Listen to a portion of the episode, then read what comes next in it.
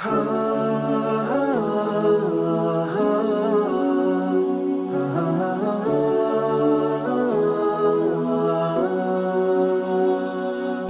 alaikum och hjärtligt välkommen till Koranpodden. Jag heter Sally och du lyssnar på Koranpodden. Detta är podcasten som hjälper dig förstå Allahs ord och där vi träffar spännande personer och samtalar med dem om Koranen över en kopp kaffe. Innan du ska få lyssna på veckans gäst så vill jag snabbt spela upp röstmeddelandet som Esma lämnade i vår telefonsvarare.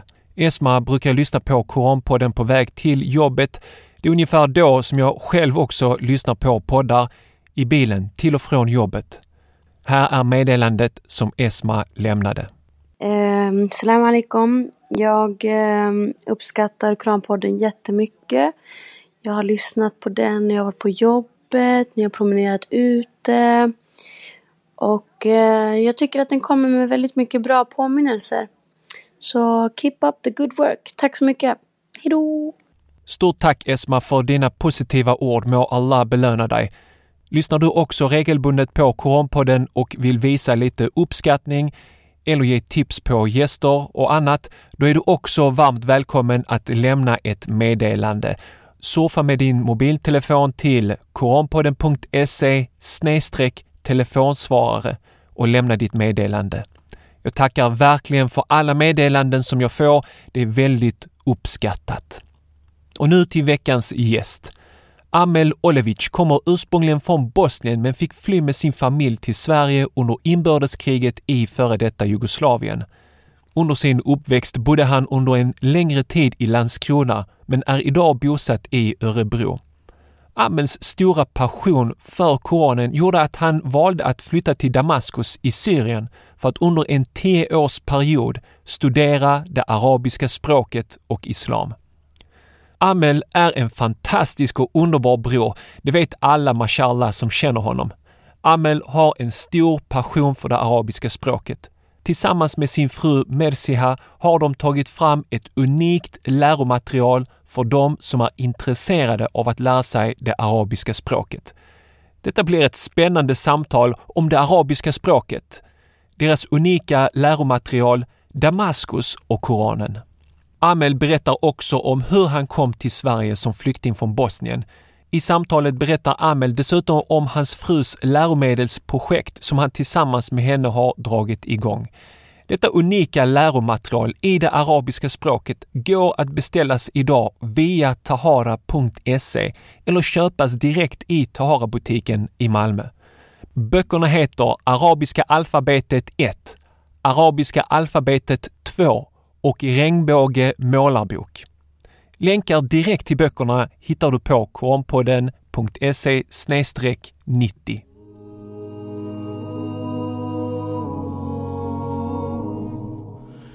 Det är min ära att ha Amel Olevic. Jag hoppas du jag uttalar ditt efternamn korrekt. Helt rätt. Helt rätt.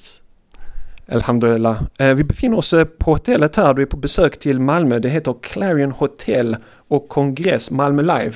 Jag har hört så mycket om Malmö Live när de byggde den här och det här hotellet och det är liksom en av Malmös stora eh, liksom, eh, nyheter om man säger så. Och jag har aldrig varit här men det är först här jag är och vi är på ditt hotellrum här. Fantastisk vy över Malmö arbetarstad men liksom man ser industriområden och järnvägen och så vidare. Eh, välkommen tillbaks till, till Malmö men du har aldrig bott i Malmö eller? Nej, det har jag inte. Jag har bott i Landskrona. Men Malmö har jag besökt många gånger. Till och med läst och pluggat här med shuyukh och liknande. Så Malmö är nära hjärtat. Alhamdulillah. Och eh, eh, precis, Landskrona och det var så vi lärde känna varandra. Mm. När du besökte Malmö och jag besökte också Landskrona då och då. Men sen gjorde du, du tog ett stort steg i livet. Eh, och du valde att resa till Syrien och studera islam där. Vad var det som gjorde att du valde att åka dit? En av de viktigaste grejer var att jag ville lära mig arabiska faktiskt. Och detta hittade jag inte riktigt här i Sverige så jag vände mig dit. Jag började mina studier här lite på eh, islam, eh, eller vad heter det nu? Islamologi. Islamologin precis. Och där har du läst arabiska, kommer jag ihåg. Och det var nästan samma år då jag läste islamologi, så läste du arabiska där också. Ja, så jag hade en eh, kusin från USA som eh, bodde där i Syrien och studerade där. Så jag var i kontakt med honom så sa han att det är vackert här och, eh, vackert här och fint. Så vände jag mig dit och försökte bara vara där under tiden jag lärde mig arabiska men det blev mycket, mycket längre än jag tänkt. Hur länge stannade du i Syrien? Runt tio år. Mashallah.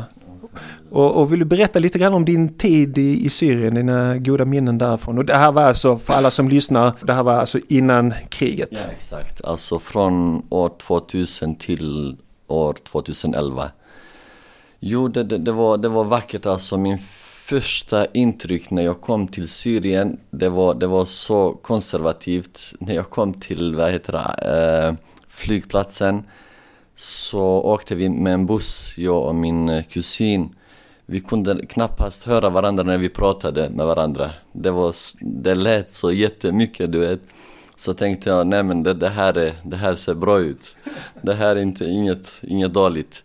För att man kände i luften att eh, barakat och välsignelse som finns i Syrien, man kände det direkt så fort man la sin fot på marken. Så det var första intrycket från Syrien. Och den lever kvar med mig.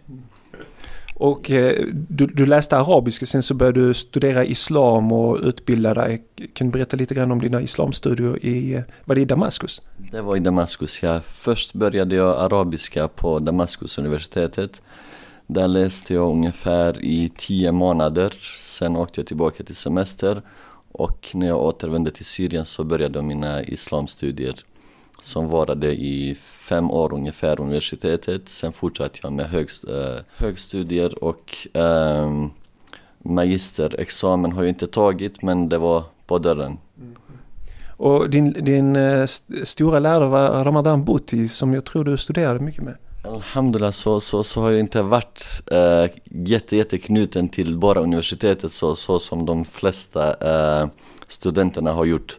Utan jag brukade går väldigt mycket till moskéer, inte minst hos eh, Sheikh El-Bouti Rahimahullah. Hos honom har jag varit väldigt, väldigt ofta och jag har följt honom under många år. Till och med när jag kom till Syrien och fick veta om honom, även då jag inte kan någon, någon arabiska så satt jag bara och tittade på honom och tyckte det här är, det här är vackert. och ditt bästa minne av Sheikhen är? Många fina minnen, men bland det bland det finaste hos honom var att nästan varje där så brukade han äh, gråta när han pratar och när han ber Allah subhanahu wa ta'ala om något. Förlåt, det var bland det finaste, finaste känslan som man hade hos han, på hans äh, undervisningar och lektioner. Må Allahs nåd vara över honom, äh, han gick bort. Det var subhanallah, hade, hade jag varit där så hade jag också kanske gått bort med honom för att det var i samma moské som jag brukade vara och där har jag funnits sedan länge. Så hade jag varit i Syrien så hade jag kanske säkert varit där hos honom och nu inte varit här med dig i Sverige på intervjun. Det var, det var alltså en bomb som exploderade i, i moskén, stämmer det? Det var någon slags bomb men eh, det som gjorde att han verkligen dog det var att en person kom fram till honom med pistol och, och sköt honom i, i, vad heter det, i skallen. Mm. I huvudet. Så att det var inget annat än det. Mycket tråkigt och skakande händelse det här när, när den nyheten kom ut också. Egentligen så, så från själva början så har han försökt stoppa hela det här eh, grejen, det, det, det som pågår just nu i Syrien. Men han lyckades inte riktigt med det. Sen i efterhand så, så ville han säga sin riktiga åsikt. Och dag innan han dog, då var han på en intervju på eh, den syriska tv-kanalen. Och då pratade han lite mer öppet och tyckte att vissa grejer efter revolutionen har blivit bättre och så vidare. Och då märkte de att han är på väg att, du vet, i motsatt håll och då försökte de stoppa det här. Jag, tror nästan vi glömde att berätta någonting, din bakgrund också, eh, hur du kom till Sverige. Vill du berätta lite grann om det? Ja, egentligen år 1992 då eh, kriget utbröt i, i Bosnien. Då tyckte pappan att vi borde ta oss någonstans och det var, det var inte konstigt att komma just till Sverige för att min farmor eh, hon bodde här för länge sedan. På, hon kom till Sverige på 70-talet, till och med 60-talet kanske. Uh, farbror också och en del kusiner och pappan var också här innan 90-talet. Så vi visste nästan att vart vi ska ta vägen. Okej, jag tänkte, eh, vi ska prata, jag tänkte att vi ska prata lite grann om det här projektet som du har startat. Eh, det var på ett besök i Malmö, vi träffades i moskén och du visade dina böcker och sen så gav du mig några exempel mm. på de här fantastiska arabiska alfabetet som man kan lära sig. Och det är väldigt unikt material. Jag har ju sett annat men när du gick igenom det snabbt för mig så var det väldigt unikt. Vill du berätta om, om materialet och varför du har valt att ta fram det här? Eh, egentligen så är, det, så är projektet eh, min frus projekt, så det är inte mitt projekt utan så som det står här i boken, Mersiha Olevic. Så det är hennes projekt och det har vi hållit på med i ungefär fyra år. Vi har, eller hon har jobbat med det lite enkelt i själva början och sen har det utvecklats och jag har gett henne lite instruktioner utifrån mina erfarenheter från eh, Kista folkhögskolan där jag har undervisat arabiska i flera år. Så till sist så har vi fått en eh, verkligen unik material för arabiska. Inte för att det är vårt projekt men verkligen något unikt, tycker jag. Vill du guida oss genom, genom de här böckerna? Det är två stora böcker va? Två stora och en liten målarbok. Eh, en liten målarbok har frugan gjort bara för att eh, barnen ska lära känna formen av arabiska bokstäver. Och vid sidan av bokstäverna så har de bilder som de kan uh, färglägga och på så sätt har hon försökt att göra det här lite lockande till barnen. Måla och även, vad heter det, uttala bokstäverna med någon äldre och komma ihåg um, formen på själva bokstäver. Så det var det som jag, jag kommer lägga bilder på, på hemsidan också och när vi släpper det här avsnittet så kan man beställa de här böckerna också genom tahara.se så jag kommer lägga länkarna på Koranpoddens eh, hemsida som man kan trycka. Regnbåge, arabiska alfabetet. Jättefint. Ja, och här uppe så har man alla bokstäver, till och med bokstäver så som man äh, färglägger så har frugan gjort en bakgrund på dem så att de syns ordentligt och så att eleven vet hur många och vilka bokstäver den har gått igenom och vilka som förväntar barnen. Precis, så man kan se liksom hur man går framåt här, eh, bokstäverna. Fantastiskt. Man kan till och med, eh, det, vi kommer göra så att sista sidan kommer eh, sidorna sista sidorna kommer eh, man kunna klistra dessa bokstäver som man har gått igenom i rutor, rutor som finns eh, på själva sidan där bokstäverna, bokstäverna finns. Mm. Så att barnet, när de klistrar också så fastnar det i huvudet. Okej, okay, nu har jag klistrat sad, nu har jag klistrat ta och så vidare. Precis, det blir någon form av belöning där att man får mm. klistra fast eh, bokstäverna. Precis. Det är fantastiskt, vi har en kopp kaffe här också. Uh, mm det går inte att ha koran och kaffe utan kaffe. Absolut. Ja, det var första uh, boken, eller uh, bok, malarbok. Men bok nummer ett är en bok uh, där man lär sig både formen på bokstäverna men även att man kan öva på att skriva dem. Och då, det som är lite specifikt med den här boken är att vi har försökt, både jag och frugan har haft lite svårigheter med bokstäverna i själva början när vi lärde oss. Det var en massa text, det var en massa former, det var en massa bilder. Så man var helt, helt förvirrad. Vad är det jag ska göra här på sidan? Så har vi försökt förenkla det så mycket som möjligt så att ingen sida ska innehålla något som barnen inte kan nappa till eh, direkt och som eh, barnen inte kan, kan, kan lära sig direkt. Utan eh, bokstavens, bokstavens form Sen har vi pilarna som visar exakt och till och med nummer på pilarna som visar och underlättar och pennan som, som är en jätteviktig del också som pekar vart bokstav, bokstaven ska börja skrivas. Så det tycker jag är en jätte, jätteviktig grej för att, för att barnen vet inte exakt vart, vart de ska börja skriva bokstaven. Är det nerifrån upp eller från vänster till höger och liknande. Utan pennan visar exakt var man ska börja skriva bokstaven, sen följer man pilen och sen om det finns eh, nummer två och tre så är de också skrivna så att barnen kan, lätt kan eh, följa pilarna och skriva bokstaven på korrekt sätt. Så har frugan gjort, här får vi inte glömma heller dess eh, ögon på, på bokstäverna och mun som är glada, alltså eh, lite detaljer så som kanske lockar till eh, barnen lite mer till boken. Och samma sak längst ner så finns det eh, olika bilder eh, efter första bokstaven på, eh, ja, Eh, bilden innehåller första bokstaven som eh, barnen har gått igenom.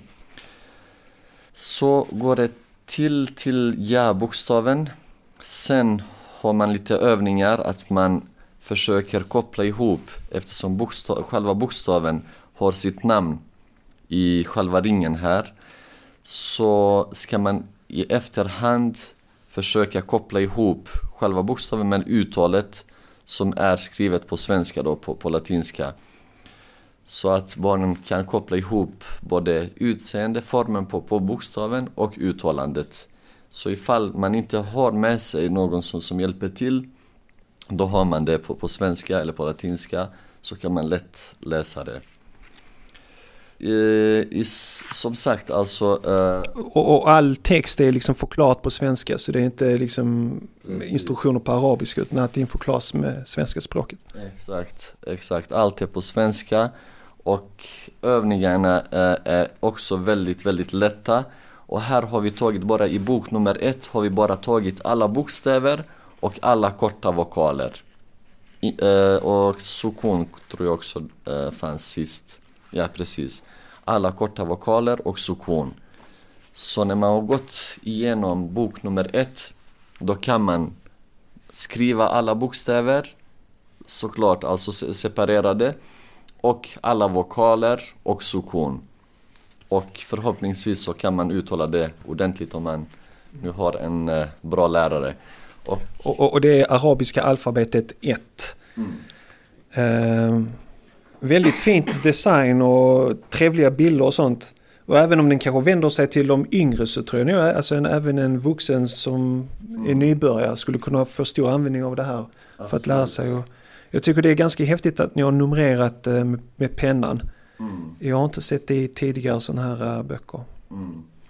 Äh, för äldre så, har, så håller frugan på just nu på med en an, annan bok som kommer vara två böcker i en bok och uh, designen kommer vara anpassad till de äldre. Så att vi har försökt, och, eller hon har försökt att fixa till att alla åldrar har något som är relevant och som är anpassat för, för deras ålder. Och volym två, vad, vad händer då? Och den, den, den heter arabiska alfabetet, det är ettan och, och det är tvåan? Precis. Uh, som sagt, för att barnen ska kunna känna av att uh, den har gjort en steg framåt så har vi delat upp böckerna. För att har man två, en, en jättestor bok och det drar in på tid till att lära sig hela grejen då kan barnet kanske ge upp och säga nej, det här klarar jag inte av. Utan bok 1 är väldigt enkel. Har man gjort tre, fyra bokstäver då kan man eh, säkert, vad heter det, bli motiverad till att fortsätta med hela boken. Och sen när man väl kan alla bokstäver då kommer det eh, då kommer bok två som eh, visar hur man kopplar dessa bokstäver. Och det har vi gjort också på ett speciellt sätt och underlättat väldigt mycket genom att ha um, färglagt eller uh, gjort bokstäverna i färger separat uh, form, början, mitten, slutet och när de är ihopkopplade. Så alla moment har sin färg som inte är blandad. Det där, det där tycker jag med färg, färgerna tycker jag är väldigt eh, fiffigt och väldigt, väldigt pedag pedagogiskt. För då ser man skillnaden på bokstäver. Men när man använder samma färg och Mm. kopplar ihop bokstäverna, då är det svårt att urskilja dem. Precis, och det här tycker jag är eh, hemlighet, alltså bokens hemlighet. Och det är något som, som verkligen, ehm, vad heter det, så, som gör det här boken speciell. Varför? För att eh, i, om man tittar på separat, separatformen som är eh, färglagd i svart och sen början som är färglagd i grönt, mitten som är i orange och slutet som är i rött. Eh, de flesta böcker har det här i en färg. Och då tror man att ehm, alla de här momenten, början, mitten och slutet, alla ser helt annorlunda ut. Så om man ska lära sig ett e, e, eller en bokstav, då måste man lära sig fyra olika former. Så fyra gånger 28 bokstäver eller 29, det blir en hel del. Och det är något som, som, som har gjort mig när jag lärde mig. Eh, Om vi ser här på sida, sida nummer sju så avslutar, avslutar sida nummer sju med väl-bokstaven. Och det tro, jag tror att jag har kommit fram till bokstaven väl när jag var här i Sverige och jag gav upp och fortsatte inte mer med, med andra bokstäver. För att jag tyckte det var, det var bara, det, det var alldeles för svårt. Ja, så uh, här, is, som sagt, istället för att lära sig fyra olika, vad heter det, former, då har man separatformen och, slut, och slutet en och samma form. Och färgen visar att det som kommer före tillhör egentligen uh, bokstaven som kommer före. Början har vi inga problem med, men när vi kommer till mitten, då har vi den här gröna linjen som egentligen tillhör bokstaven som kommer före. För att om man tittar sist på bokstäverna, då ser man exakt att bokstaven Thä som är i mitten, den har ingen hand bakom. Eller hur? Utan det är bokstaven som har kommit före den, som har den gröna linjen som har kopplats ihop med nästa bokstav.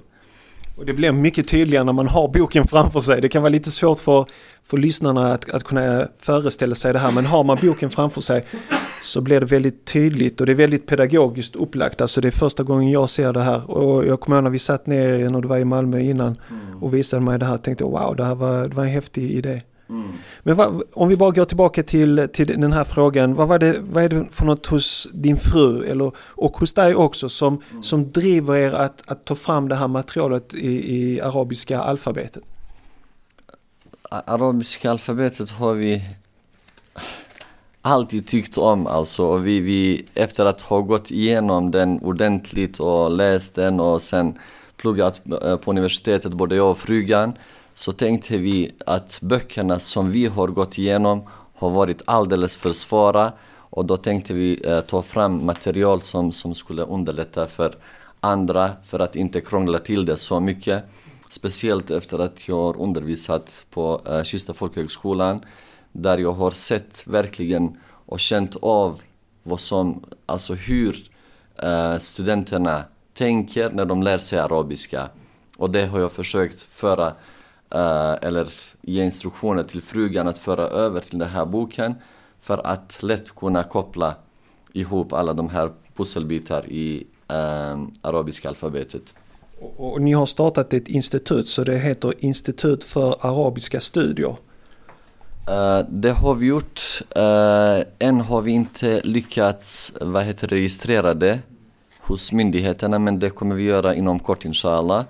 Så att vi har startat det här är ingen eh, uh, slump, slump så att säga utan vi har uh, långtidiga planer att fortsätta med liknande projekt så att uh, dessa böcker är kanske bara början till en lång resa inshallah ta'ala.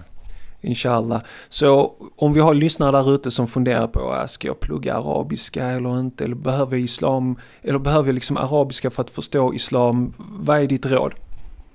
Uh, mitt råd är att om jag om tiden skulle kunna gå tillbaka, eller om jag skulle kunna gå tillbaka i tiden, då hade jag gjort samma sak. Åkt till Syrien, lärt mig arabiska och kommit tillbaka till Sverige. För att innan jag åkte till Syrien, då tänkte jag, okej okay, jag är muslim, jag ber fem gånger om dagen. Läser Koranen i bönen, lyssnar på Koranen när någon annan är imam och så vidare. Hela livet kommer jag leva med det här utan att förstå en, ett enda ord.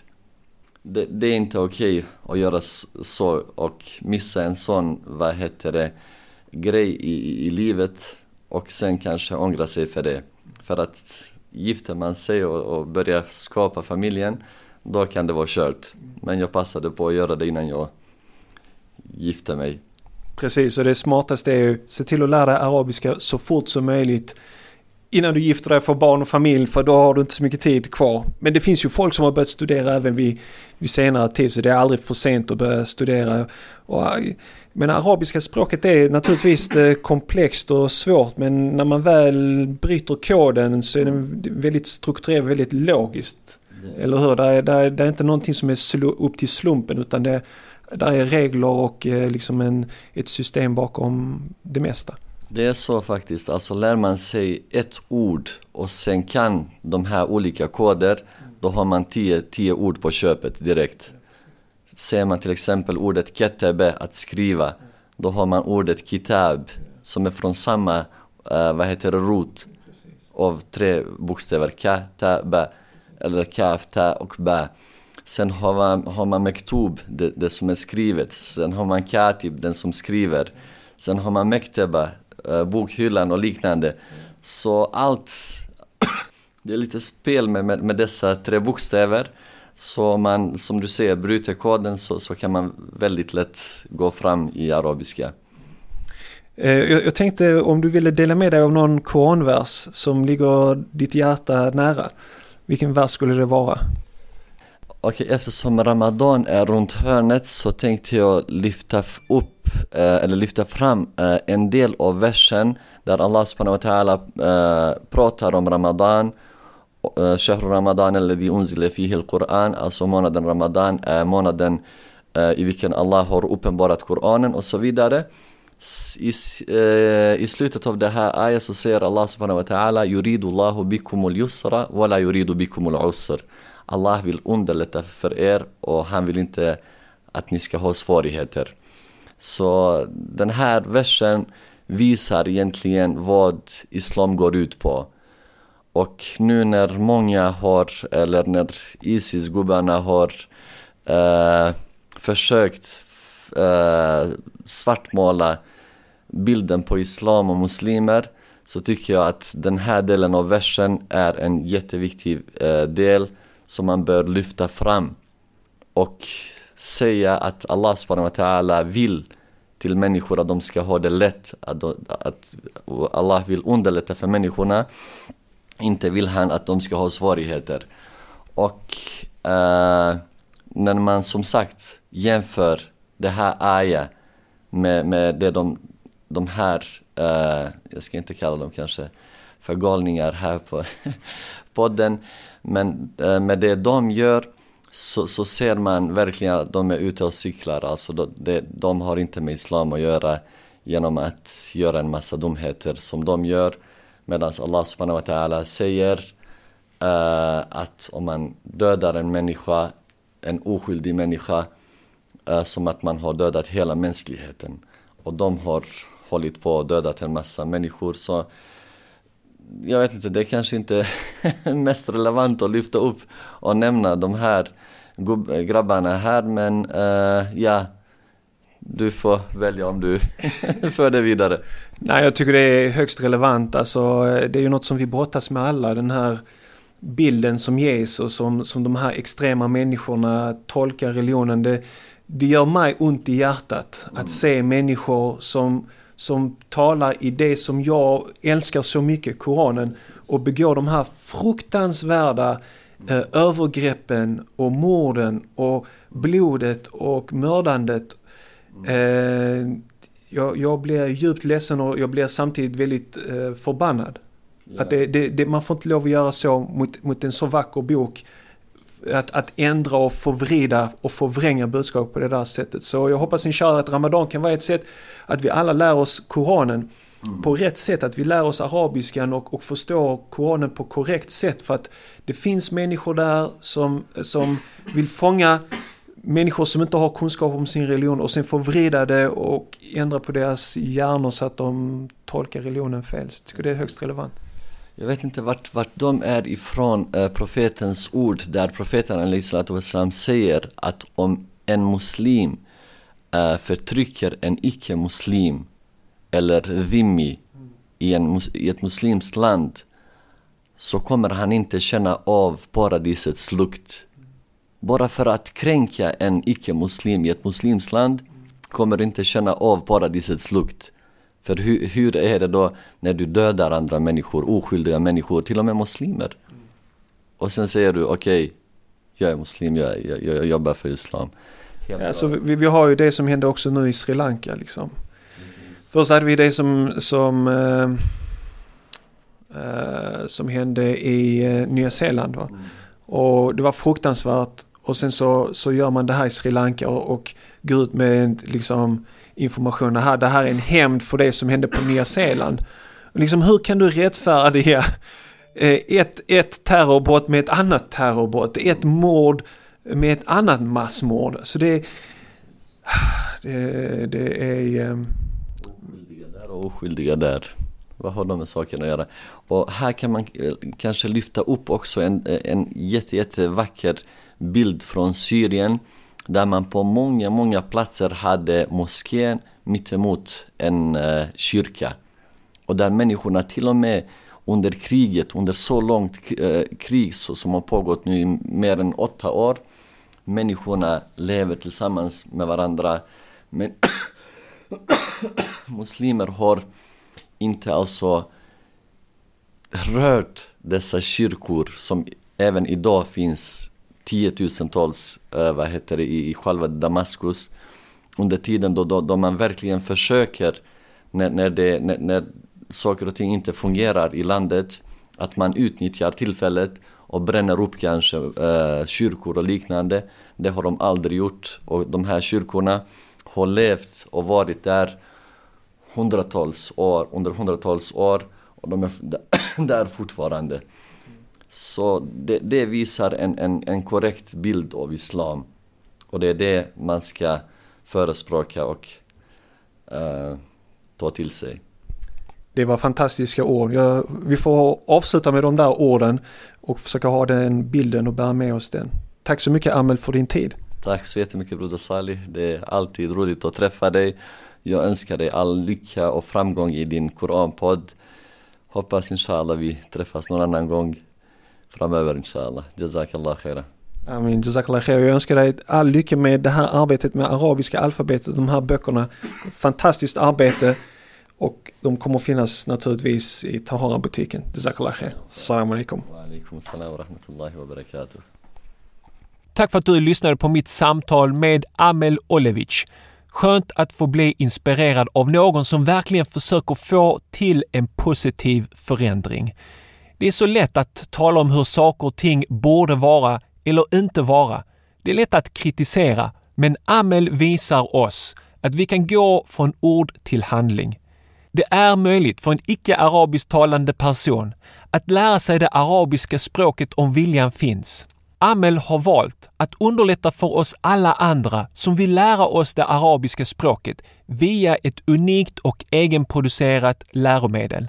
Amel och Mersiha vill inte att andra ska behöva gå igenom de svårigheter som de själva fick gå igenom.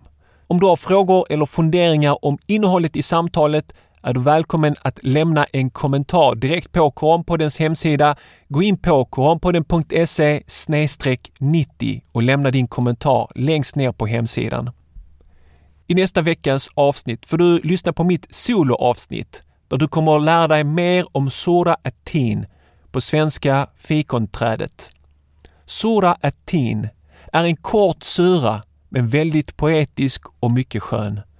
Du får lyssna på Sura Atin reciteras av en mästerrecitatör från Indonesien och i svensk översättning av mig. Jag berättar också hur våra lärda har tolkat och förklarat suran så att du kan få ut det mesta av denna sura. Här är ett litet kort utdrag ur det avsnittet.